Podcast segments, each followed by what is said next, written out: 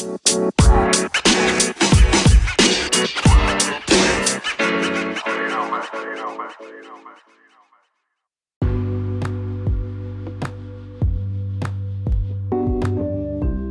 assalamualaikum warahmatullahi wabarakatuh. Kembali lagi mengudara buat kalian semua para pembelajar di mana pun anda berada.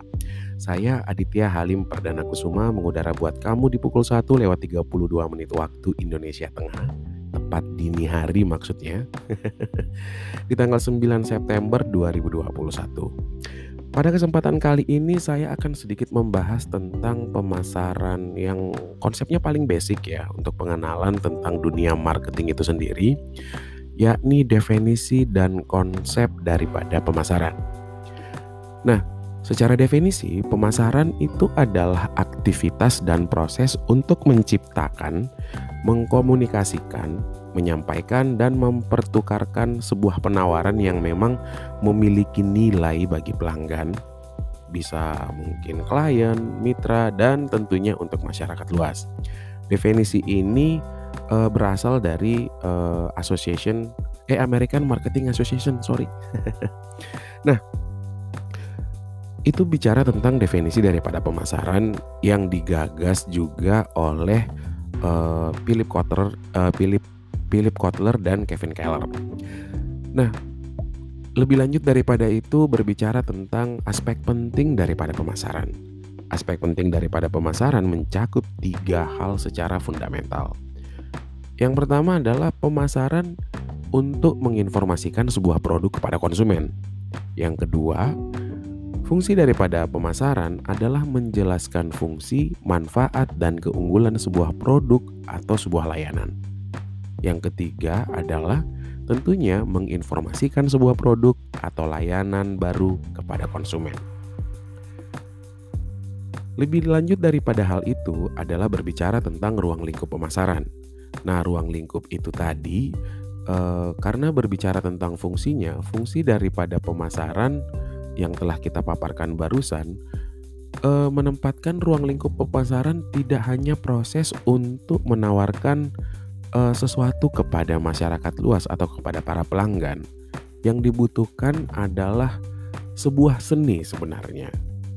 Jadi uh, ada pakar yang juga mengatakan bahwa pemasaran itu merupakan seni sebenarnya dan ilmu di dalam memilih pasar yang menjadi sasaran, kemudian meraihnya, mempertahankannya, serta menumbuhkan konsep-konsep uh, nilai tambah bagi pelanggan melalui penciptaan, kemudian proses menghantarkan sebuah produk, merealisasikan sebuah produk yang di dalamnya juga terkandung konsep dan nilai daripada komunikasi terhadap pelanggan.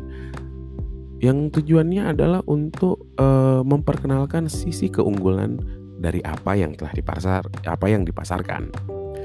Nah, pertanyaannya gini apa sih sebenarnya yang dipasarkan?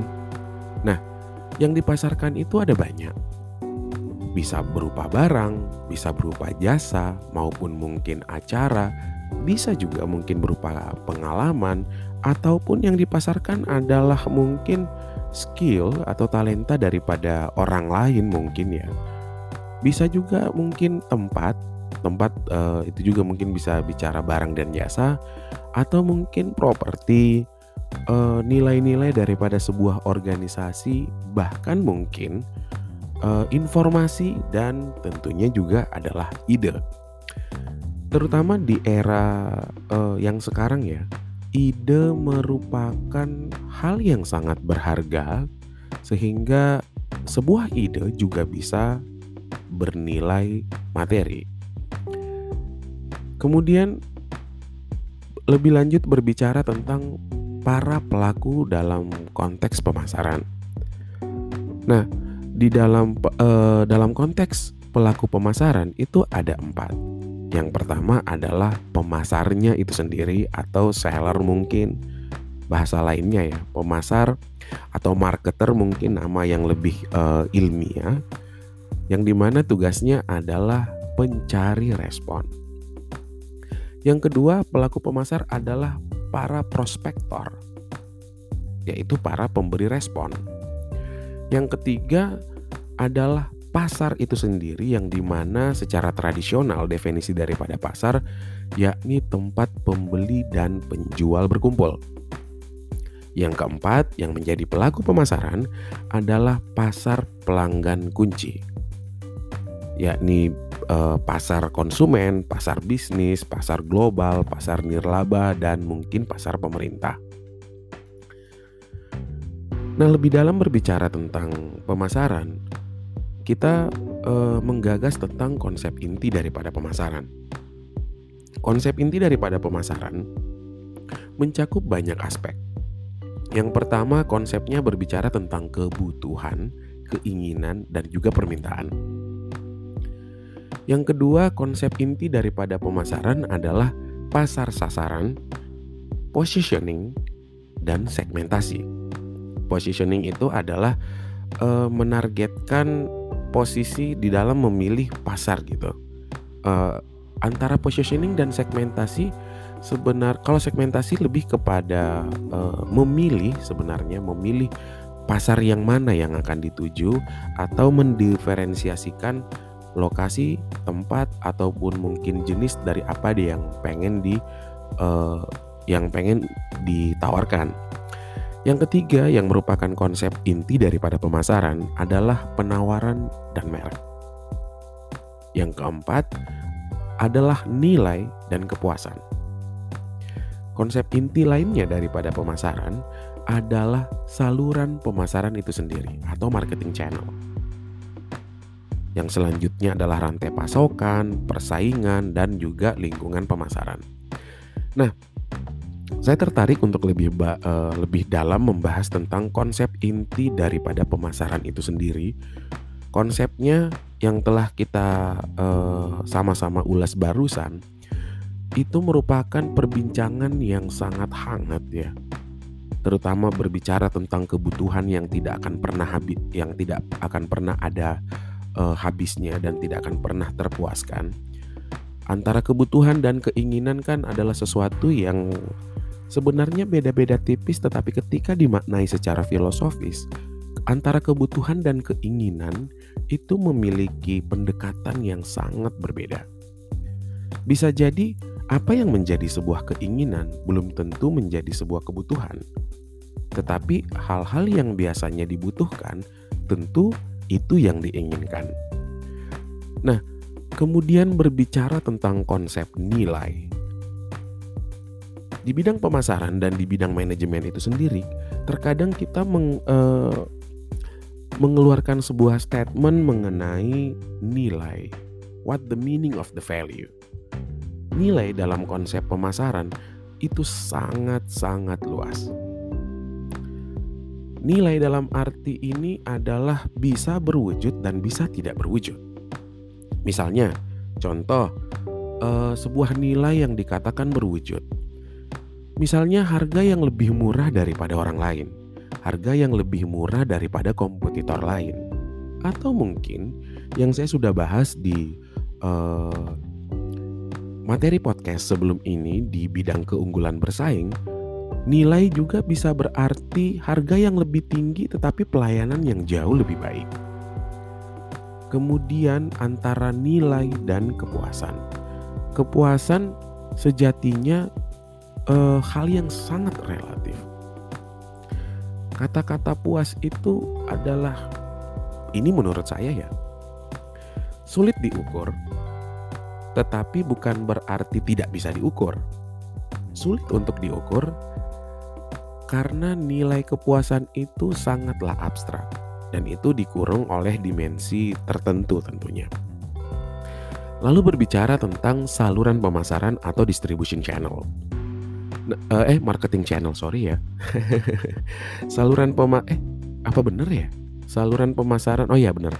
Distribution channel atau uh, saluran pemasaran itu juga berkembang sangat pesat ya tentunya pada hari ini di era-era sekarang di mana saluran pemasaran itu sudah sangat luas tidak hanya uh, face to face mungkin tidak hanya secara konvensional mungkin yang seperti uh, terjadi beberapa tahun yang lalu yang sekarang juga mungkin masih diterapkan akan tetapi mungkin Dengan adanya Covid ya. Dengan adanya Covid tentu para aktivis-aktivis pemasar, para pelaku pemasar itu dipaksa untuk lebih kreatif memikirkan terkhusus mengenai saluran pemasaran. Ada yang online dan seterusnya. Kalau yang sekarang kan yang kita kenal adalah online. Kemudian berbicara tentang rantai pasokan, itu juga merupakan konsep inti daripada pemasaran. Apa sih itu kebutuhan, keinginan, dan permintaan? Nah, kebutuhan itu kan yang menyangkut hal-hal yang paling fundamental di dalam hidup manusia Ya syarat hidup dasar manusia mungkin bisa jadi sandang, pangan, dan papan. Kemudian keinginan, keinginan atau yang mungkin uh, kebutuhan yang diarahkan kepada objek tertentu untuk memuaskan kebutuhan. Lalu permintaan, yakni keinginan yang didukung untuk uh, bisa mampu memenuhi kebutuhan tersebut. Uang, uang yang ya mungkin uang Kemudian berbicara tentang pasar sasaran, positioning, dan segmentasi. Sebenarnya pemasar jarang dapat memuaskan semua orang dalam pasar tertentu atau bahkan dalam satu aktivitas tertentu dan itu ya sudah pasti ya. Seperti kata pepatah kita tidak bisa memuaskan semua orang. Nah, hasil yang lebih baik diperoleh bila memilih pasar dan membuat program pemasaran yang tepat dan sesuai. Sepertinya itu yang lebih adil ya karena kita tidak bisa memuaskan semua orang, tidak bisa menyenangkan semua orang sehingga uh, pemasar harus bisa pandai-pandai untuk memilih. Nilai nilai sebenarnya secara definisi apa ya? Kombinasi kualitas pelayanan dan produk. Kepuasan itu merupakan penilaian kinerja produk dibandingkan dengan ekspektasi. Artinya di mana ketika apa yang diinginkan uh, sesuai dengan apa yang diekspektasi tentu puas. Bahkan barangkali ketika uh, ekspekta uh, ketika sebuah penilaian itu ternyata melampaui ekspektasi, maka kepuasannya dianggap sangat memuaskan. Lalu bicara tentang realitas pemasaran baru kondisi pasar dan aktivitas pemasaran itu tidak seperti dulu lagi loh men. Artinya eh, ada kekuatan-kekuatan yang yang perlu secara adil kita sepakati bersama. Misalnya kekuatan eh, kekuatan sebuah komunitas yang utama.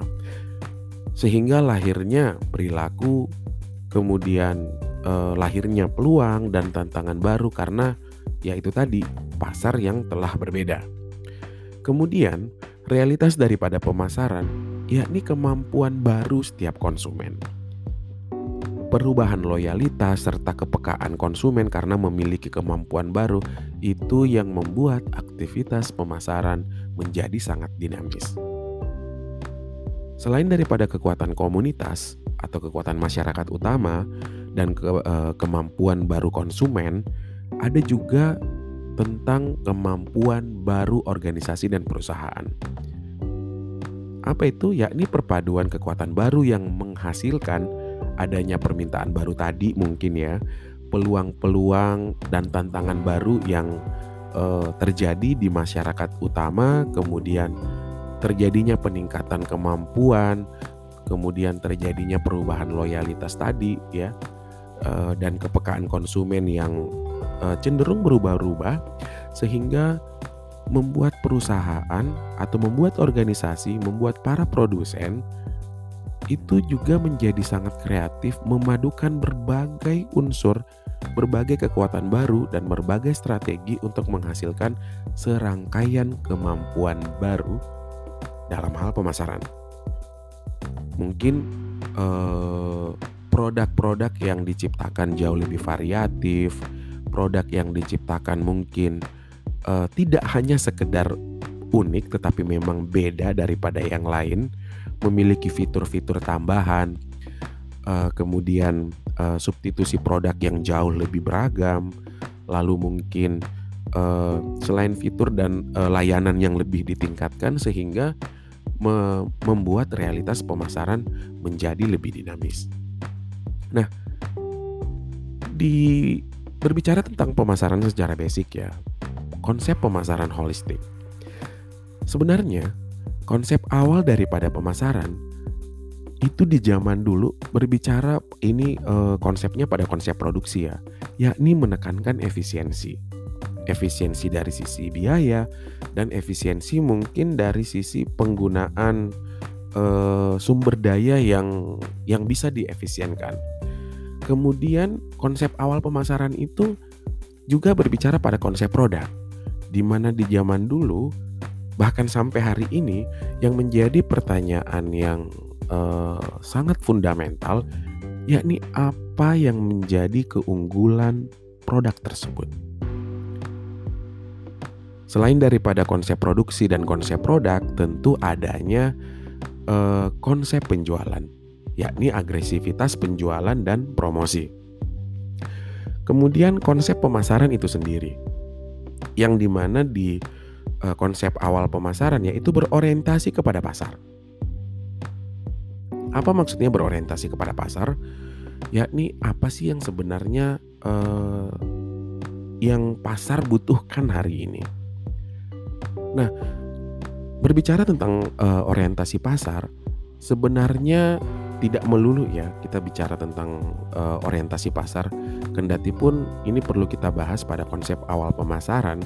Orientasi pasar merupakan salah satu orientasi mengapa aktivitas pemasaran itu bisa semakin gencar di masa lalu. Nah, hari ini uh, tidak hanya berbicara ter, uh, tidak hanya berbicara tentang orientasi pasar saja, akan tetapi orientasi kepada pelanggan dan juga orientasi kepada supplier. Logikanya gini. Hari ini pasar minta handphone. Pertanyaannya kalau di zaman dulu kan kalau pasar yang uh, pasarnya minta handphone, produsen baru bikin handphone tuh. Kemudian setelah ada handphone, ternyata lahir lagi kebutuhan dan keinginan-keinginan lain uh, lebih daripada sekedar handphone sebagai alat komunikasi. Siapa yang pernah membayangkan sebuah perangkat handphone yang tadinya yang yang tadinya dipakai uh, sebagai alat untuk berkomunikasi kemudian berubah berubah ditambah dengan fitur kamera mungkin. Kemudian kamera juga tidak cukup melengket pada sebuah handphone. Lebih baik kalau selain bisa untuk memotret juga bisa untuk merekam video. Setelah merekam video, ternyata lebih bagus lagi kalau bisa mendengarkan musik. Setelah mendengarkan musik dan uh, memiliki kamera, ada baiknya handphone juga mungkin bisa dipakai untuk bermain game. Setelah bermain game juga bisa, ternyata rasanya kurang pantas ketika uh, size-nya atau ukurannya untuk menampung data kecil harus diperbesar lagi. Jadi seperti itulah sebenarnya dinamika yang terjadi. Lalu pertanyaannya gini. Bagaimana ketika sumber daya alam tidak mampu lagi menyajikan itu? Oleh sebab itu, orientasi yang selanjutnya adalah berorientasi kepada suppliers. Lalu konsep pemasaran holistik itu berbicara tentang perspektif dan integrasi. Nah, holistic market uh, holistic marketing itu berbicara empat hal. Yang pertama ya, yang pertama berbicara uh, berbicara tentang internal marketing itu sendiri, yang terdiri dari tiga konsep, uh, tiga tiga sub uh, item dan tiga sub bagian. Internal marketing itu berbicara tentang marketing uh, departemen marketing itu sendiri. Kemudian juga senior manajemen dan departemen departemen yang terkait. Lalu integrasi daripada marketing. Apa yang diintegrasikan adalah komunikasi yang pertama, yang kedua adalah saluran daripada pemasaran, yang ketiga adalah integrasi produk dan layanan. Bagian lain dari holistic marketing adalah kinerja daripada pemasaran. Apa yang menjadi tolok ukur daripada kinerja pemasaran adalah yang pertama, sales revenue, yang kedua adalah bagaimana kekuatan sebuah merek dan uh, customer ekuitas. Yang ketiga adalah mengukur bagaimana nilai-nilai etis dalam aktivitas pemasaran. Yang keempat adalah lingkungan daripada pemasaran itu. Yang kelima, apakah kinerja pemasaran kita dilakukan secara legal, taat hukum dan taat aturan lagi-lagi ini berbicara uh, berhubungan dengan konsep etika ya dan yang selanjutnya adalah bagaimana mengukur kinerja pemasaran tentunya adalah bagaimana respon daripada komunitas atau masyarakat. Nah lebih lanjut berbicara tentang holistic marketing juga berbicara tentang relationship marketing. Hubungan di dalam pemasaran itu sendiri. Bagaimana menjalin hubungan kepada pelanggan yang baik, bagaimana uh, menjalin hubungan di dalam channel-channel marketing antara suppliers, agen dan seterusnya. Dan yang uh, terakhir di dalam menjalin hubungan tentunya terhadap mitra. Relationship itu uh, relationship di dalam marketing ya, menekankan pada hubungan yang lama dan itu dalam. Jadi harus tercipta uh, suatu situasi yang yang dinamakan sense of belonging. Apa yang ditekankan, hubungan yang seperti apa sih uh, dan kepada siapa sih hubungan itu harus uh, diperdalam atau uh, intimacy intimacy relationship. Yang pertama kepada pelanggan, yang kedua adalah kepada internal daripada organisasi itu sendiri yakni karyawannya, yang ketiga tentu kepada para mitra.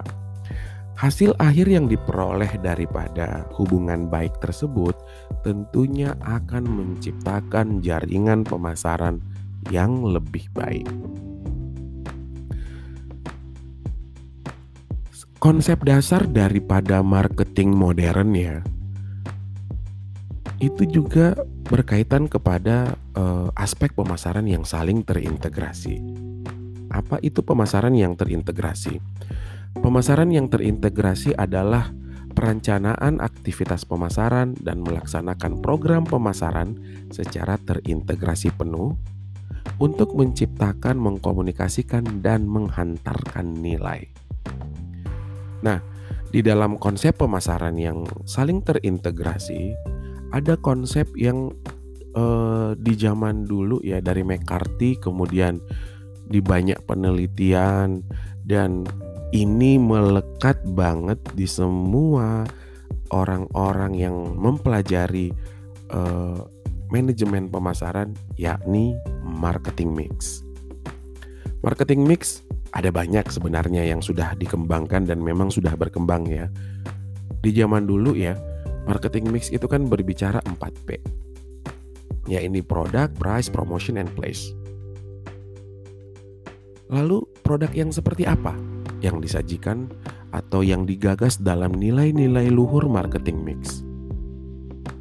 Produk tentunya varietas produk, kualitas produk, desain daripada produk, fitur daripada produk, kemudian nama daripada produk tersebut, merek produk tersebut, lalu bagaimana packagingnya, bagaimana ukuran produk tersebut, lalu bagaimana layanan produk tersebut, lalu berbicara tentang garansi produk tersebut, dan bagaimana sales after service daripada produk tersebut. Kemudian berbicara di uh, eh, 2P selanjutnya. P selanjutnya yakni price atau harga. Yang seperti apa sih yang digagas pada konsep-konsep marketing uh, uh, konsep marketing ini? Price itu berbicara tentang daftar harga tentunya. Yang kemudian apakah harga ini di dalam memainkan peranannya strategi-strategi harga yang digunakan misalnya seperti apa sih? Apakah itu mungkin diskon atau mungkin uh, strategi lain daripada diskon ya? Atau mungkin teknis pembayarannya seperti apa? Apakah cash mungkin atau bisa ada layanan kredit mungkin dan and so on and so on. Nah, P yang ketiga di dalam konsep luhur marketing mix adalah promotion. Yakni berbicara tentang bagaimana promosi penjualan, kemudian pengiklanan. Iklan adalah bagian daripada promosi, tapi promosi ya, ini saya boleh garis bawah ya. Mengiklankan adalah bagian daripada promosi, tetapi mempromosikan belum tentu mengiklankan. Nah, ini uh, menjadi menjadi menarik untuk di menjadi menarik untuk dibahas. Apa sih, Pak? Bedanya iklan dan promosi? Nah, tapi itu yang dari saya tadi ya. Uh, iklan adalah wujud daripada promosi. Tapi promosi belum tentu harus selalu diiklankan. Nah, bagi para mahasiswa saya, Silangka, uh, silahkan Anda merenungi apa yang saya maksud tadi. Kemudian setelah Anda renungi, mungkin menurut Anda apa perbedaannya? Kalau mungkin Anda sepakat dengan apa yang saya katakan barusan, sebutkan alasannya mengapa Anda sepakat dan kalaupun mungkin Anda tidak sepakat dengan apa yang saya sampaikan, Anda sebutkan juga alasan mengapa Anda tidak sepakat. Oke. Nah, lanjut lagi di P yang keempat. Di P yang keempat berbicara tentang place atau tempat. Bagaimana tempatnya, di mana lokasinya, kemudian akses transportasinya dan seterusnya. Pandangan penjual sih sebenarnya berbicara tentang marketing mix ya itu pandangan daripada para penjual, yakni produk yang harus bagus, kalau bisa bagus, bagaimana kalau dia murah? Promosinya harus kenceng, tempatnya harus strategis. Nah, tapi di pandangan pembeli, mungkin sebagian besar juga eh, sepakat dengan konsep marketing mix. Tapi dalam eh, secara secara filosofis, pandangan pembeli tentu pengen membeli sebuah produk uh, jasa mungkin dan barang itu kan yang pertama yang dilihat adalah apakah ada benefitnya. Saya pernah membuat satu penelitian di tahun 2019 atau mungkin tahun 2020 saya lebih memperdalam konsep daripada benefit dalam bidang marketing. Benefit yang saya maksud adalah emotional benefit dan tentunya adalah yang satu lagi apa ya kok gue lupa namanya? Uh, physical benefit mungkin atau mungkin nanti akan saya saya kupas lagi tuh penelitian saya. Tetapi benefit di sini dalam arti uh, benefit yang memang benar-benar benefit ya tapi ada juga barang yang memang memberikan benefit uh, memberikan keuntungan secara fungsi, oh functional benefit dan emotional benefit itu yang saya maksud. Secara fungsi memang memberikan kita keuntungan, tapi belum tentu secara emosional kita mendapatkan keuntungan dari barang tersebut. Waktu saya menggagas penelitian tentang uh, secara spesifik tentang benefit itu tadi, saya terilhami waktu itu karena ketipu beli handphone yang refurbis. Jadi saya kurang tahu dulu ya. Beli handphone pertama kali iPhone 6, saya kurang tahu tuh. Kalau ternyata uh, ada namanya handphone yang refurbis. Jadi uh, refurbis mungkin Anda boleh cari tahu sendiri di Google apa sih yang dimaksud dengan refurbis. Secara fungsional benefit saya dapat keuntungannya dapat bisa nelfon, bisa uh, bisa uh, WhatsAppan dan seterusnya dan itu memang iPhone. Tapi setelah saya tahu bahwa itu refurbished, saya tidak mendapatkan emotional benefit. Oke, para pembelajar sekalian, uh, itu yang ingin saya bahas kepada kalian semua. Semoga apa yang saya jelaskan dapat bermanfaat. Kita ketemu di kesempatan selanjutnya. Ciao.